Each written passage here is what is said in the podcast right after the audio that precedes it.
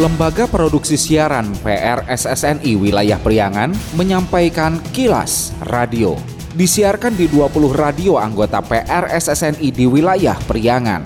Dan kilas radio edisi kali ini di antaranya mengenai tekan angka kematian ibu dan bayi, Pemkap Garut direkomendasikan untuk bangun satu ponet tiap kecamatan. Puncak kedatangan penumpang mudik lebaran stasiun Tasikmalaya terjadi 19 April. Pendengar, inilah kilas radio selengkapnya. Kilas Radio. Kilas Radio. Kilas Radio. PR SSNI Jabar Wilayah Priangan.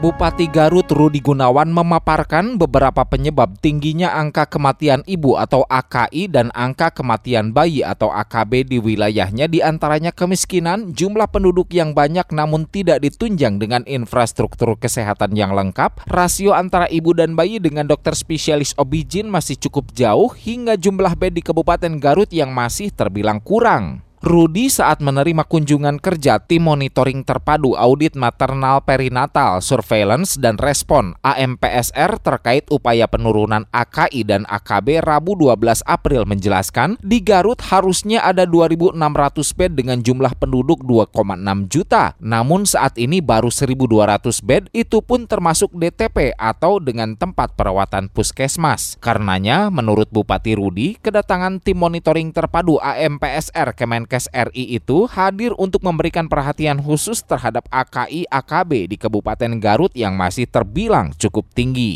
Dari Kemenkes itu memberikan perhatian khusus terhadap kematian ibu dan kematian anak. Kematian ibu dan anak di Kabupaten Garut masih terbilang tinggi karena penduduknya banyak. Nah ini kita, ini Kemenkes itu membuat kolaborasi dengan kita. Ayo kita selesaikan menjadi persalahannya apa, solusinya bagaimana. Maka ini ada sinergitas antara dari kementerian, dari WHO juga ada, dari organisasi internasional lainnya, dari pemerintah provinsi, dari Rumah Sakit Hasan Sadikin sebagai rujukan utama, sampai dengan Dinas Kesehatan dan Rumah Sakit di Garut. Project Manager Officer PMO Direktorat Jenderal Ditjen Kesehatan Masyarakat Kesmas Kementerian Kesehatan Dr. Nida Rohmawanti menuturkan, jika ibu dan bayi adalah suatu prioritas di kebijakan pembangunan nasional sehingga jika ada ibu hamil yang berisiko harus dikawal dengan baik, salah satunya dengan merencanakan sejak awal untuk melahirkan di rumah sakit sehingga tidak datang ke rumah sakit ketika sudah komplikasi. Menurutnya, pihaknya perlu mengedukasi masyarakat begitu diperiksa puskesmas oleh bidan ternyata ada masalah, itu rencanakan bersalin di mana dan kapan sebelum ada masalah komplikasi. Ibu dan bayi adalah suatu prioritas di kebijakan pembangunan nasional. Kita mulai dari masyarakat. Bagaimana yang hamil ini sehat, yang belum hamil ya harusnya diperbaiki dulu. Setelah itu kan ada pemeriksaan kehamilan. Di saat pemeriksaan kehamilan sudah terscreening mana ibu yang berisiko, mana yang sehat.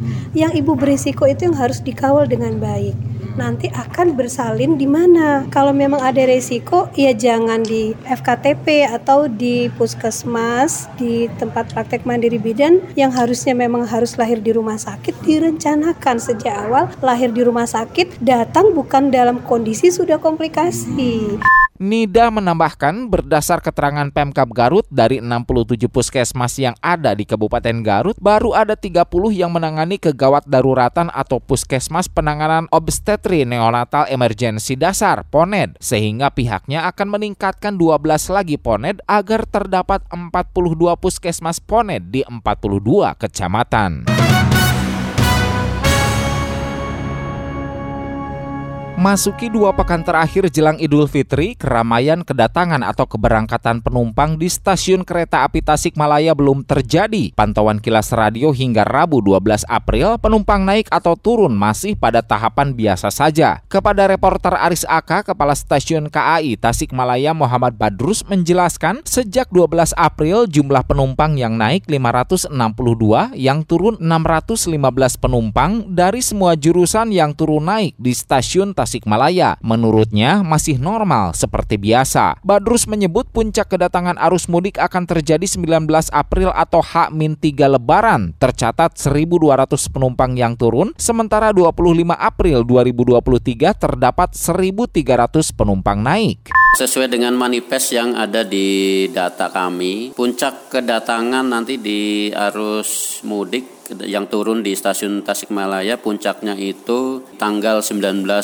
April yaitu di Lebaran Min 3 tercatat di data sudah mencapai 1200 penumpang yang akan turun di stasiun Tasikmalaya.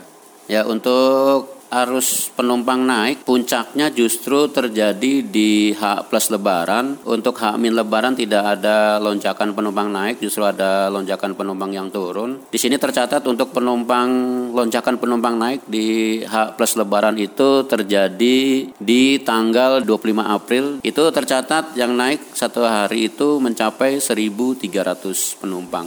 Badrus menambahkan, untuk persiapan pelayanan angkutan lebaran telah siapkan semua fasilitas, posko kesehatan dan pengamanan. Posko angkutan lebaran dimulai tanggal 14 sampai dengan tanggal 2 Mei nanti kita siapkan posko kesehatan dari unit kesehatan dari PT Kereta Api Daup 2 Bandung. Dan juga untuk posko pengamanan nanti kita dibantu oleh pihak Polri biasanya dari Polres Tasikmalaya akan juga melakukan posko.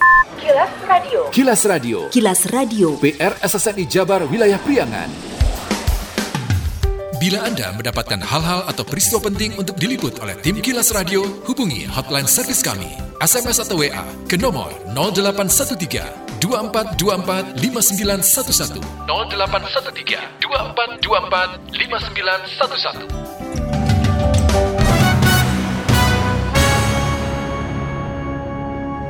5911 Info Pemilu. Info Pemilu.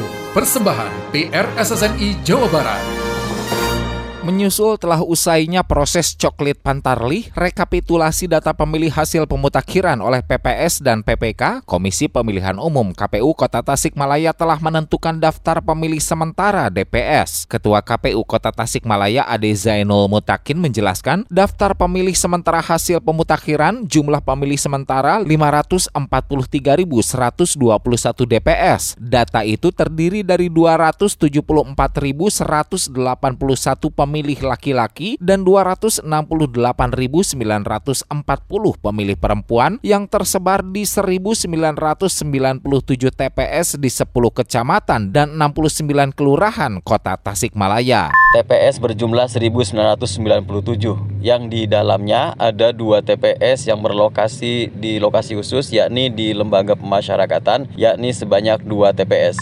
Ade menambahkan daftar pemilih sementara DPS Kota Tasikmalaya selanjutnya dikirim ke KPU Provinsi dan Pusat guna dilakukan rekapitulasi. Hasil dari pleno rekap DPS ini kemudian akan kami sampaikan kepada KPU Provinsi, kemudian akan dilakukan rekapitulasi lagi dan kemudian selanjutnya akan dilakukan rekapitulasi di tingkat nasional.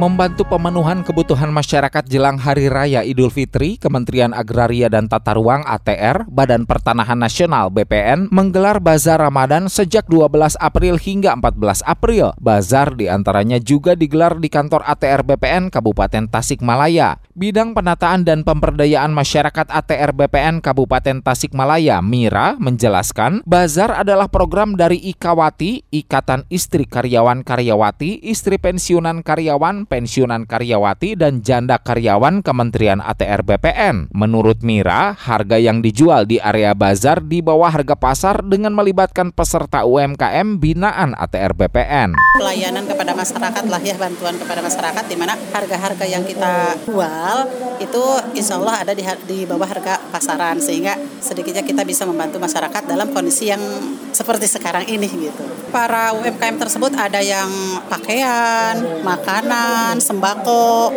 Yani, warga Singaparna yang sengaja datang ke area bazar di Jalan Raya Singaparna mengaku senang lantaran barang berupa makanan minuman yang dijual benar-benar murah. Harganya murah-murah Pak, Alhamdulillah dapat membantu apalagi sembako ya harga-harga sembako jadi kejangkau Pak. Jadi saya belanja gitu. Oh iya, apa aja yang dibelanjain Bu? Banyak Pak, ada ya sembako, makanan, buat kue lebaran, paket. Kilas Radio. Kilas Radio. Kilas Radio. PR SSNI Jabar Wilayah Priangan. Sekian Kilas Radio. Saya Dido Nurdani beserta tim Kilas Radio Priangan. Salam PRSSNI. Kilas, Kilas. Radio.